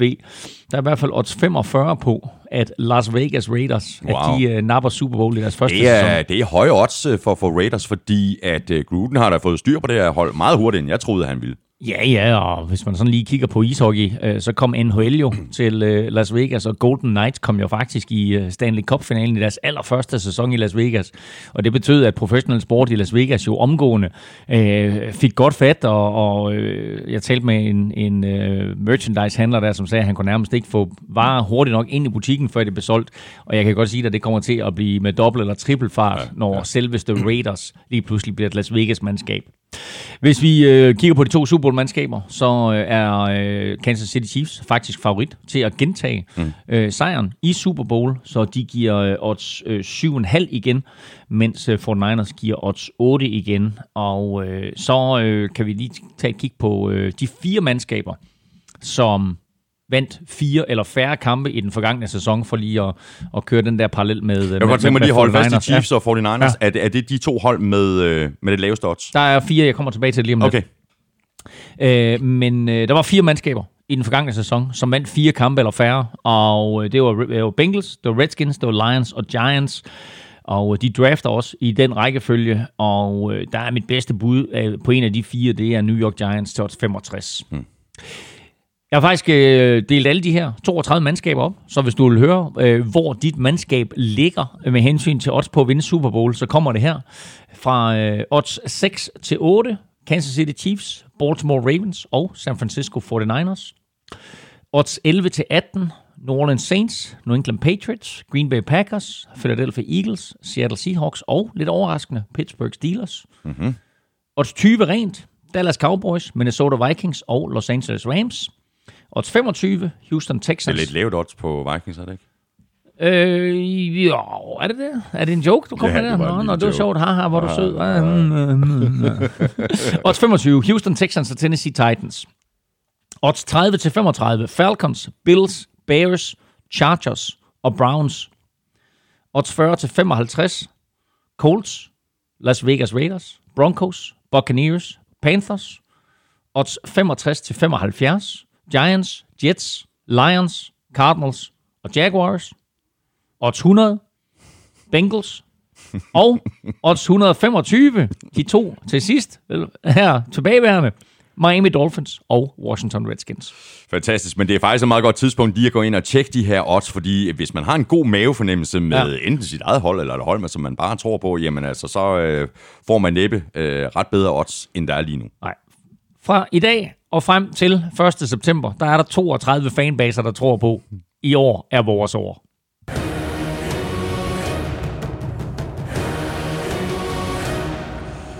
Skal vi lige omkring uh, NFL Honors, der er jo blevet jo, uh, afviklet i lørdags, uh, og i sidste uge, der skød vi hver især på, hvem vi troede ville få de forskellige priser. Vi skød begge på uh, Lamar Jackson som MVP, og det blev sørme også Lamar Jackson. Jamen, det, det kan der ikke være nogen tvivl om, men det mest imponerende, det var jo, at han øh, som blot den anden spiller i historien blev valgt øh, med 50 ud af 50 stemmer, så der var altså fuld plade for Lamar Jackson. Og så skød vi begge to på, at uh, Christian McCaffrey ville få prisen som Offensive Player of the Year. Det blev Michael Thomas i stedet for. Ja, og nu kan jeg ikke lige huske, hvad han hed, men der var en, der skrev øh, til os ind på Twitter og spurgte, om, øh, om Michael Thomas' præstation ikke berettigede ham til at blive øh, Offensive Player of the Year. Øh, og selvfølgelig gjorde den det. Øh, jeg synes bare, at Christian McCaffreys 1000-1000 sæson øh, var så markant en præstation, at, øh, at, at den berettigede ham til at blive øh, Offensive Player of the Year. Man kan jo sige, øh, kastangrebene bliver vildere og vildere, og receiverne griber flere og flere bolde, så, øh, så øh, selvfølgelig vil der være nogle spillere, som, som griber mange bolde, men, men derfor er øh, Michael Thomas' øh, næsten 150 catches jo stadigvæk en imponerende præstation. Defensive Player of the Year blev uh, Stefan Gilmore for Patriots. Vi talte om ham i sidste uge. Uh, så vidt jeg husker, så skød vi begge på to på uh, Chandler Jones.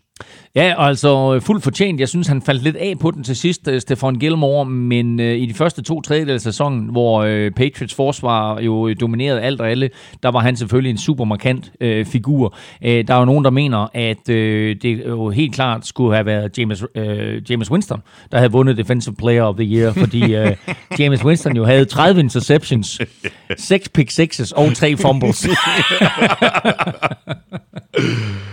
Offensive Rookie of the Year blev rookie quarterback for Cardinals, Kyler Murray. Øh, Du nævnte ham tidligere på året som en, øh, en mulig kandidat, men jeg tror faktisk ikke, vi talte om ham i sidste uge. Det gjorde vi heller ikke, og ved du hvorfor? Det er, fordi jeg bliver ved med at glemme, at han er rookie. Jeg bliver ved med at glemme, at Kyler Murray er rookie, fordi selvfølgelig skulle vi have nævnt ham Ja. i sidste uge. Han er quarterback. Apropos, at øh, en quarterback øh, ofte bliver valgt som MVP i Super Bowl, så er det også ofte, hvis en quarterback har gjort det godt som rookie, så er det ham, der bliver valgt. Og så fuldførte han jo sæsonen for, for Cardinals. Det gjorde Josh Jacobs ikke, men øh, øh, altså fortjent, men altså måske skulle man have kigget i en anden retning end en lignagtig quarterback. Men hey, Kyler Murray, øh, fuldt fortjent. Ja. Defensive Rookie of the Year blev, som vi også forudsag, øh, Joey Bosers bror, Præcis. Nick. Nick. Bosa. Comeback Player of the Year. Uh, vi taler om ham, uh, Ryan Tannehill. Uh, jeg argumenterede jo for uh, Garoppolo, men det blev altså Tannehill, der blev uh, Comeback Player. Ja, og, hvor- altså, han har ikke været skadet. Han, Nej, jeg synes, det er et mærkeligt comeback. jeg, jeg, altså, altså, jeg synes også, det er et mærkeligt comeback, men altså... altså han, er det comeback player fra at have spillet for Dolphins, eller hvad? ja, det tror jeg. Altså, jamen, altså bare for at have spillet dårligt, så prøver til at spille godt. Jeg synes også, det er mærkeligt. Og igen, så kigger vi lidt på, jamen, altså, han er quarterback, er det derfor? Jeg synes, der var et hav andre spillere, som, øh, som vi skitserede i sidste uge også, der sagtens kunne have vundet den her. Øh, nogle Og spillere, vi der- missede faktisk også Dalvin Cook, da vi sad og, og talte om det i sidste det uge, som, vi. som, en, som en mulig spiller, Præcis, som, men- som, men- kunne, men- som men- kunne blive comeback player Lige nøjagtigt, jo. Altså netop, netop spillere, som, som har været skadet og, og, og kommer tilbage, men øh, det her, det var altså, øh, der, der var altså en, en forholdsvis enig komité, der mente, at det øh, Tannehill havde præsteret i spidsen for Tennessee Titans, det gjorde ham til comeback player of the year. Og så Coach of the Year, det blev øh, John Harbaugh fra, fra Ravens. Øh, jeg kan ikke huske, talte vi om... Ja, du, ja, du argumenterede også for John Harbaugh. Mm. Jo, men altså bare det der med, at han har vundet 14 sejre, og så skal man lægge mærke til også, at øh, valgene her blev foretaget inden slutspillet. Så at, øh, altså, uanset hvordan det lige går i slutspillet, altså skulle Andy Reid have været coach of the year, eller skulle, skulle Kyle Shanahan, jamen, altså du får ikke lov til at få slutspillet med i din vurdering. Så det der med, at de vinder 14 sejre, og den måde de gjorde det på, øh, gjorde altså også, at John Harbaugh han blev coach of the year. Og i sidste uge, der talte vi så også Hall of Fame. Øh, du fik ret i Troy Polamalu, øh, Ja. da du øh, havde fem bud. Ja. Øh, de fire andre blev så Steve Atwater, Isaac Bruce, Steve Hutchinson og Edgerrin James. Ja, og øh, jeg løber dem lige lynhurtigt igennem her. Troy Polamalu øh, var jo, det var første år, at han kunne vælges ind i Hall of Fame, og han kom selvfølgelig ind i Hall of Fame, bedraftet i første runde i øh, 2003. Han vandt to Super Bowl, Super Bowl 40 og 43. Han blev også Defensive Player of the Year en enkelt gang i 2010. Øh, han var på, han var First Team All-Pro øh, fire gange og blev valgt til 8 Pro Bowls, og så var han på NFL's øh, øh, hold for øh, 2000-tallet, altså fra 2000 til 2009, det der, de kalder som for deres All-Decade Team. Steve Atwater er en af mine absolutte favoritspillere igennem tiderne. En øh, absolut hard hitter. Øh, spillede safety for Denver Broncos og lige en enkelt sæson også for New York Jets. Øh, bedraftet også i første runde tilbage i 1989. Blev, øh, var på All-Rookie Team og var rookie i Super Bowl 24, som de så faktisk tabte til. 49ers. Han var øh, som sagt både en hard hitter, men også dygtig til at lave interceptions. Han havde 24 interceptions i sin karriere. Han var i 8 Pro Bowls, han var All-Pro to gange, øh, var i tre Super Bowls med, øh, med to sejre, og øh, var på All-Decade Team i 90'erne. Isaac Bruce, fantastisk receiver. Øh, jo selvfølgelig mest kendt for sin tid for Los Angeles og St. Louis Rams, hvor han jo også øh, vandt Super Bowl 34. Øh, og i Super Bowl 34, der satte han øh, rekord med øh, 6 catches for 162 yards og 73 yards touchdown. Øh, det var den her Super Bowl, hvor de jo slog Tennessee Titans. Han var All-Pro i 99, var i fire Pro Bowls og øh, greb bolde for 5.208 yards. Det er næst mest i NFL-historien kun overgået af legendariske Jerry Rice.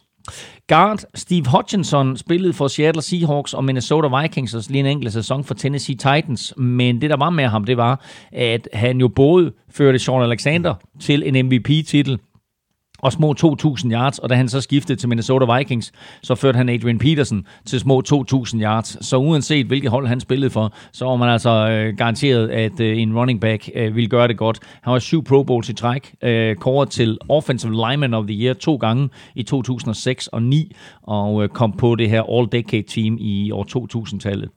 Sidst øh, og mindst, vil jeg sige, fordi det var nok ham, jeg var mest overrasket over. Running back øh, Edgerrin James, øh, selvfølgelig mest kendt for sin karriere for Indianapolis Colts, men skiftede også til øh, Arizona Cardinals og sluttede karrieren øh, i Seattle Seahawks. Draftet i første runde i 1999, var Rookie of the Year i 1999, og øh, vandt faktisk øh, det her, man kalder rushing title, altså havde flest løbeyards øh, i NFL, både i 99 og i år 2000, altså i sine første to sæsoner i NFL, med henholdsvis lidt over 1500 og lidt over 1700 yards. Vandt Super Bowl 41, tabte Super Bowl 43, All Pro tre gange, og valgt til All Decade Team i år 2000-tallet. Vi skal have quizzen. Åh, Det er tid til quiz, quiz, quiz, quiz, quiz. Skal jeg øh, skyde først? Ja, og spørgsmålet var jo øh, ganske simpelt. Patrick Mahomes kom med sine to touchdown-kast i Super Bowl op på 10 kastede touchdowns i det her slutspil. Det har Tom Brady også præsteret en enkelt gang, men der er kun tre spillere, der har kastet mere. Mm. Hvem er de tre? Ja. Uh, det bliver sådan en uh, liste over the usual suspects, ja. vil jeg sige. Uh, det kan jo selvfølgelig godt være, at jeg misser nogen, men uh, Brett Favre, Nej, Peyton Manning, nej. Tom Brady, Mm, ham har jeg jo sagt jo. Nå, Ja, godt. uh, Andrew Luck. Nej. Damn. Tænk inden for egne rammer. Uh, Joe Montana, Ja. Steve Young, Ja, så øh, stop med at tænke inden for egne. Okay. Okay. Det, det, godt. Roethlisberger. Heller ikke. Damn. Ja. Tænk på øh, vilde kastangreb i Super Bowl. Uh, Kurt Warner. Præcis. Og så den sidste, den er svær, men han havde en helt igennem fantastisk sæson, så, hvor øh, folk begyndte at sammenligne ham med Joe Montana, og så har han ikke rigtig været noget siden. Hmm. Og det var ikke så meget sæson, det var mere slutspillet. Men, og de slog for den egen til Super Bowl. Nå, Flacco. Joe Flacco. Er det rigtigt? Havde han... Oh, hvor mange havde han der? 11. Var det i den, øh, Den- den Det sæson. var i den sæson. Ja. Så svarene var Joe Montana, Kurt Warner. Joe Montana i 1989, Kurt Warner i 2008 og Joe Flacco i 2012. Okay.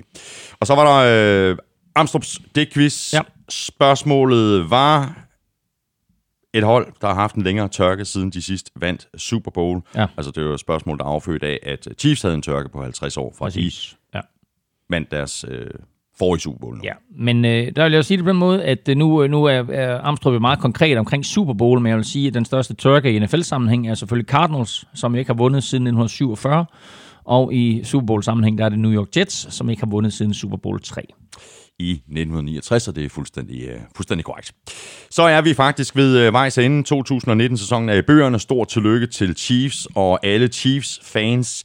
Vi er ikke helt færdige nu. Øh, du smutter lige på skiferie i næste uge, Claus. Øh, det betyder så, at vi er tilbage igen om øh, to uger med hele to udsendelser. Dels vores øh, Q&A nummer tre for sæsonen, plus vores konklusionsudsendelse, hvor vi blandt andet ser på, hvordan øh, holdene klarer sig i forhold til det, som vi troede før sæsonen gik i gang.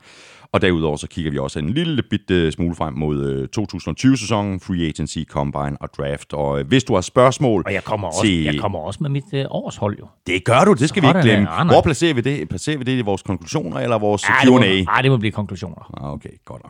Hvis du har spørgsmål til enten konklusionspodcasten øh, eller til vores Q&A, så gør du det øh, på enten Twitter eller på Facebook eller på mailsnablag nflshowet.dk.